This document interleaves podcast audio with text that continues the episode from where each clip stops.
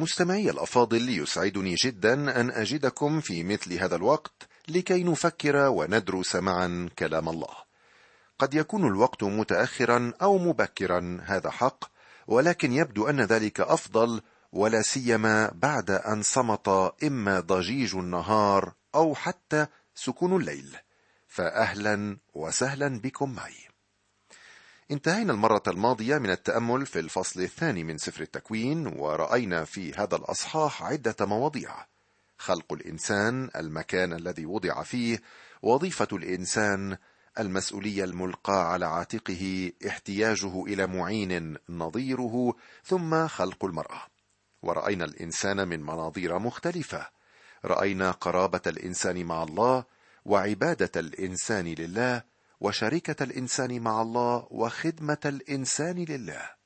رأينا أمانة الإنسان من نحو الله وسلطة الإنسان من الله وحياة الإنسان الاجتماعية من الله ومع الله. هذه هي الرسالة العظيمة الموجودة في الأصحاح الثاني من سفر التكوين. نأتي الآن إلى ما يعتبره البعض أهم أصحاح في الكتاب المقدس. يسميه أحد المفسرين الضالعين محور الكتاب المقدس. إذا كان لديك شك في ذلك اقرأ الأصحاحين الأول والثاني من تكوين ثم انتقل فورا إلى الأصحاح الرابع وحتى الحادي عشر وستجد هو عظيم بحاجة إلى جسر كبير. مثلا نجد في الأصحاحين الأول والثاني الإنسان في حالة البراءة والاستقامة. كل شيء كامل وهناك شركه بين الله والإنسان. ولكن عندما تبدأ بالأصحاح الرابع وتتابع القراءة فإنك ستجد الغيرة والغضب والقتل والكذب الشر والفساد والثورة والدينونة. والسؤال الذي سيراود فكرك هنا من أين أتى كل هذا؟ متى بدأ؟ من أين أتت الخطية؟ الجواب في الأصحاح الثالث من سفر التكوين. اسمح لي أن أقتبس لك ما يلي. في الأصحاح الثالث نجد مصدر أنهار الحقائق الإلهية. هنا يبدأ المشهد العظيم على مسرح تاريخ البشرية والذي استمر لمدة ستة آلاف سنة ولم ينتهي إلى الآن. هنا نجد التفسير الإلهي لسقوط الإنسان وحالة جنسنا البشري المزرية. في هذا الأصحاح نتعلم عن مكايد عدو النفوس إبليس فيه نجد عجز الإنسان على السير في طريق البر عندما تمتنع عنه النعمة الإلهية. هنا أيضا نكتشف التأثيرات الروحية للخطية كهرب الإنسان من وجه الله وهنا نرى موقف الله نحو الخاطئ المذنب. فيه نرى الميل البشري لتغطية عاره بأشياء من صنعه. هنا نتعلم عن العناية الإلهية لسد إعوازنا. ومن هنا يبدأ نهر النبوات العظيم والذي يجري في سائر أنحاء الكتاب المقدس. وهنا أيضا نتعلم أن الإنسان لا يستطيع أن يقترب من الله إلا عن طريق وسيط. أتركك الآن مع الأخت ميسون لتقرأ لنا من الأصحاح الثالث ابتداء من العدد الأول وحتى الثالث عشر. وكانت الحية أحيل جميع حيوانات البرية التي عملها الرب الإله. فقالت للمرأة أحقا؟ قال الله لا تأكلا من كل شجر الجنة. فقالت المرأة للحية من ثمر شجر الجنة نأكل. وأما ثمر الشجرة التي في وسط الجنة فقال الله لا تأكلا منه ولا تمساه لئلا تموتا. فقالت الحية للمرأة لن تموتا بل الله عالم أنه يوم تأكلان منه تنفتح أعينكما وتكونان كالله عارفين الخير والشر. فرأت المرأة أن الشجره جيدة للأكل وأنها بهجة للعيون وأن الشجره شهية للنظر. فأخذت من ثمرها وأكلت وأعطت رجلها أيضا معها فأكل. فانفتحت أعينهما وعلما أنهما عريانان. فخطا أوراق تين وصنعا لأنفسهما مآزر. وسمعا صوت الرب الإله ماشيا في الجنة عند هبوب ريح النهار فاختبأ آدم وامرأته من وجه الرب الإله في وسط شجر الجنة. فنادى الرب الإله آدم وقال له أين أنت؟ فقال سمعت صوتك في الجنة فخشيت لأني عريان فاختبأت. فقال من أعلمك أنك عريان. هل أكلت من الشجرة التي أوصيتك أن لا تأكل منها؟ فقال آدم المرأة التي جعلتها معي هي أعطتني من الشجرة فأكلت. فقال الرب الإله للمرأة ما هذا الذي فعلت؟ فقالت المرأة الحية غرتني فأكلت. في القسم الأول من الأصحاح نرى المشهد يعد لتجربة الإنسان. وكانت الحية أحيل جميع حيوانات البرية التي عملها الرب الإله فقالت للمرأة أحقا قال الله لا تأكلا من كل شجر الجنة؟ السؤال الذي يطرح نفسه هنا لماذا التجربة؟ إذا رجعنا إلى الإصحاحين الأول والثاني نجد أن الإنسان خلق في حالة البراءة ولكنه لم يخلق بارا ما هو البر البر هو البراءة التي تقف أمام التجربة. التجربة يا صديقي إما أن تنميك أو تهدمك. كان على الإنسان في جنة عدن أن يطور شخصيته وينميها ولم يكن لها أن تنمو إلا تحت امتحان التجربة. لقد خلق الإنسان مسؤولا مسؤولا لتمجيد الله وطاعته وخدمته والخضوع له. لم يخلق الإنسان نفسه. الكل يوافق على هذا بل الله هو الذي خلقه. والله لم يكن مستبدا في الوضع الذي أوجد فيه الإنسان. قال له وأما شجرة معرفة الخير والشر فلا تأكل منها لأنك يوم تأكل منها موتا تموت. لم تكن هذه الشجرة هي الوحيدة ليشتهيها الإنسان أو حتى ليأكل منها. سيكون ظلما من الله أن يجعل الإنسان يموت من الجوع ولا يأكل من الشجرة أو يموت إن أكل من الشجرة. كان هناك الكثير من الأشجار المثمرة في الجنة حتى يأكل الإنسان ويتلذذ. لم يكن يحتاج أن يأكل من تلك الشجرة بالذات. من هنا نرى أن الإنسان يظهر على مسرح الأحداث كشخص ذي مسؤولية. في هذه الآية الأولى من الأصحاح الثالث والتي قرأتها قبل قليل نتعرف على الحية. وهنا أيضا يبرز سؤال أمامنا من أين أتت تلك الحية؟ كيف دخلت إلى الجنة الرائعة؟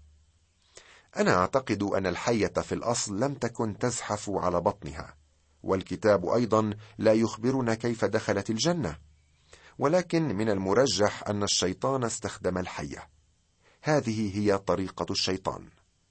كتب بولس الرسول إلى أهل كورنثوس يقول لهم ولا عجب لأن الشيطان نفسه يغير شكله إلى شبه ملاك نور. وسفر الرؤيا يتحدث أكثر عن إبليس ويقول فطرح التنين العظيم الحية القديمة المدعو إبليس والشيطان الذي يضل العالم كله. طرح إلى الأرض وطرحت معه ملائكته. نعم لم تكن الحية زاحفة كما نراها اليوم الكتاب لا يخبرنا بذلك ابدا. فقبض على التنين الحية القديمة الذي هو إبليس والشيطان وقيده ألف سنة. الحية مخلوق ذو قدرات هائلة. لا يوجد كلام عن أصله في التكوين ولكن في الإصحاح الرابع عشر من سفر إشعياء والثامن والعشرين من حزقيال نجد أصل هذا المخلوق وكيف أصبح على ما هو عليه الآن.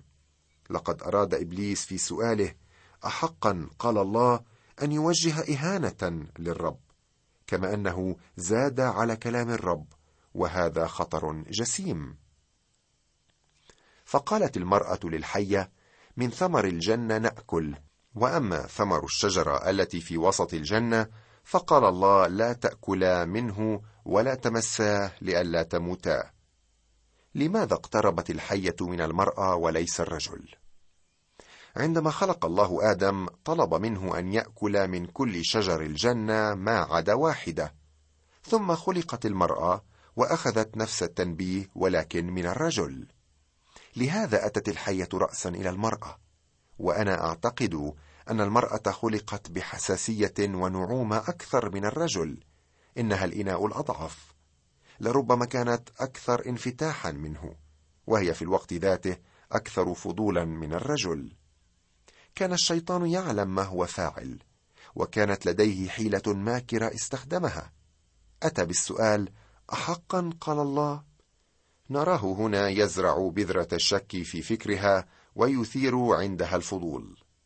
لاحظ أنه في جوابها أضافت شيئا على قول الله. قال الله لا تاكلا منه ولا تمساه لئلا تموتا الله لم يقل ولا تمساه. وسواء كان الباعث لها على هذا الخلط الجهل أو الرغبة في تمثيل الله فقد خرجت عن الخضوع الكامل لله. لقد كانت المرأة تعرف أمر الله الجدير بالطاعة ولكنها نسيت أو تناست عقوبة العصيان. يا للغباء عبثت بكلمة الله. استخفت بالعقوبة وأنجحت العدو. فقالت الحية للمرأة لن تموتا بل الله عالم أنه يوم تأكلان منه تنفتح أعينكما وتكونان كالله عارفين الخير والشر. وهنا تلتقط الحية الخيط من المرأة بعد أن اكتشفت أن الأخير سيرتها. لن تموتا. إنها تطعن في محبة الله وصلاحه. لو كان الله صالحا فلماذا هذا المنع وهذه القسوة؟ وهكذا ضعفت ثقة حواء في محبة الله وتزعزع يقينها في صدقه. ثم يشكك إبليس في قداسة الله وتكونان كالله. المشكلة أن حواء زادت على كلام الله. واليوم نجد الملحدين يحذفون ما يحلو لهم من كلمة الله. أما البدع والضلالات فهي تزيد على كلمة الله ما طاب لها. والله يحذر من هذه وتلك. البعض يقول ستخلص بأعمالك والكتاب يقول آمن بالرب يسوع فتخلص. كم هو مهم جدا ألا نعارض كلام الله. لقد حاولت الحية أن تنقض كلام الله وأبدلته بكلامها. حاولت أن تجرده من صدقه وسلطانه. تذكر يا صديقي أن الشك يقود دائما إلى عدم الطاعة إلى العصيان دائما. يقول العدد السادس من إصحاح تأملنا فرأت المرأة أن الشجرة جيدة للأكل وأنها بهجة للعيون وأن الشجرة شهية للنظر. فأخذت من ثمرها وأكلت وأعطت رجلها أيضا معها. فأكل. لاحظ الإغراء الذي قدمته الحية لحواء. كان اغراء للجسد. الشجرة جيدة للأكل ولكن لم يكن هذا كل شيء. الشجرة بهجه للعيون وهنا نجد اغراء للناحية النفسية في الإنسان. والشجرة شهية للنظر أو في اللغة الأصلية شهية لكي تجعل الإنسان حكيما. وهذه التجربة في ناحية العظمة للإنسان. العين اشتهت منظرا والجسد اشتهى ماكلا والقلب اشتهى تعظما. وإذا نظرنا إلى تجربة الرب يسوع في العهد الجديد نجد تطابقا كبيرا. فقد جرب إبليس المسيح من ناحية الجسد بتحويل الحجارة إلى خبز. ومن ناحية النفس أراه الشيطان ممالك العالم ليغريه فيها. وأخيرا جربه من ناحية العظمة بأن طلب منه أن يلقي نفسه من أعلى الهيكل وأنا لا أظن أن الشيطان غير من حيله اليوم فهو يستخدم نفس الأساليب لخداعي وخداعك وهو ينجح في ذلك مع الأسف. لم يكن بحاجة أن يغير أساليبه لأننا نسقط في خداعه دائما وهو يجعلنا نحكم على التجربة من خلال ما يعرضه لنا وليس من خلال الحق في أقوال الله. كتب يوحنا الرسول لأن كل ما في العالم شهوة الجسد وشهوة العيون وتعظم المعيشة ليس من الآب بل من العالم. شهوة الجسد الشجرة كانت جيدة للأكل. شهوة العيون الشجرة كانت بهجة للعيون. تعظم المعيشة الشجرة شهية للنظر لتجعل الإنسان حكيما. وهذه الأشياء ليست من الله بل من العالم. قال يسوع إن هذه الخطايا تخرج من قلب الإنسان حيث يعمل الشيطان ويقدم إغراءاته. هذه هي الطرق التي يستخدمها ليضل الجنس البشري. وقد نجح بذلك صدقني يا أخي. ثم أعطت لرجلها. الآن سقط الجنس البشري. اتجه إبليس اولا إلى الإناء الأضعف. ثم تركها تجذب رجلها إلى مهواه الضلال عينها. وبدلا من أن يأخذ دوره في السيادة وينبه المرأة إلى تجاوزها أسلم عجلة القيادة إلى عواطفه. بعد ذلك صارت لهما معرفة الخير والشر. انتهى عهد البراءة والاستقامة. فانفتحت أعينهما وعلما أنهما عريانان فخاطا أوراق تين وصنعا لأنفسهما مآزر. إنه الضمير. قبل السقوط لم يكن للإنسان ضمير كان بريئا تماما والبراءة هي الجهل بالشر. لم يكن لدى الإنسان ضمير الذي يعمل عمل المتهم في دواخلنا. والعلماء يصرون على أن عقدة الذنب في الإنسان أمر لا مفر منه. وعلما أنهما عريانان فخاطا اوراق تين وصنعا لأنفسهما مآزر. لاحظ أنه يذكر شجرة التين هنا. أما شجرة معرفة الخير والشر فلم يحدد الوحي ثمرها. لم يقل أنها تفاح كما يدعي البعض. هل ورقة التين يا آدم تصلح غطاء للخزي وستارا عن عين الله؟ كلا. لم تغطي أوراق التين عريهما تماما. هذا هو الاختراع الأول للإنسان بالمناسبة. لقد حاولا تغطية الذنب دون أن يعترفا به. حاولا نسيان الله. في هذه التجربة أراد الشيطان أن يقف بين نفس الإنسان والله. بكلمات أخرى أراد أن يبعد الإنسان عن الله ليربحه لنفسه ويصبح إله الإنسان. لم يجرب الإنسان وقتئذ ليسرق أو يقتل بل جرب ليشك في الله. لاحظ معي صديقي المستمع أسلوب إبليس. اولا رأت حواء الشجرة أنها جيدة للأكل ثم رأتها ثانية بهجة للعيون وثالثا شهية للنظر تجعل المراه حكيما. الشيطان يعمل من الخارج إلى الداخل أما الله فهو يبدأ من قلب الإنسان. والتدين هو أمر خارجي مظهري لا يتعامل مع قلب الإنسان. وهنا اسمح لي أن أوضح لك امرا مستمعي الكريم. المسيحية ليست ديانة يتبناها الإنسان. المسيحية هي المسيح.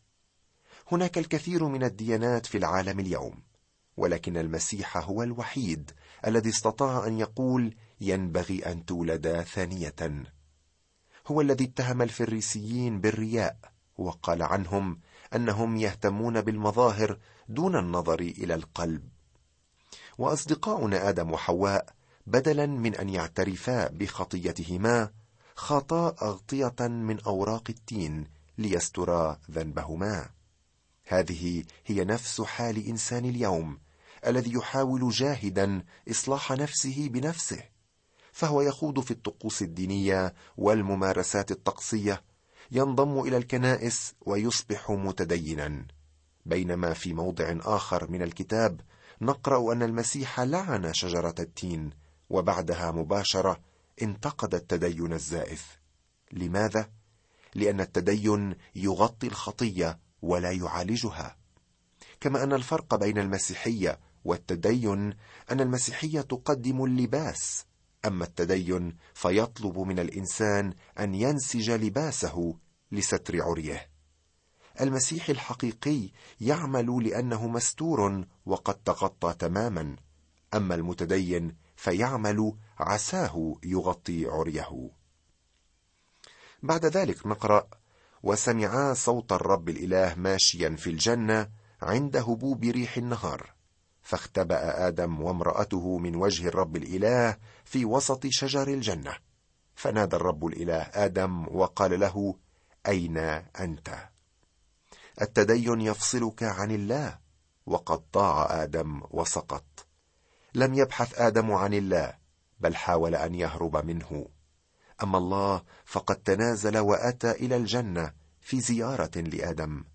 كانت لفتة عابرة نحو وكيله على الخليقة على الأرض. فقال سمعت صوتك في الجنة فخشيت لأني عريان فاختبأت. فقال من أعلمك أنك عريان؟ هل أكلت من الشجرة التي أوصيتك أن لا تأكل منها؟ فقال آدم المرأة التي جعلتها معي هي أعطتني من الشجرة فأكلت. لاحظ عدم وجود أي اعتراف من جهة آدم. لكن تصرفه ينطق بالقصة كلها. خرج آدم من خبائه بدعوة الرب إياه.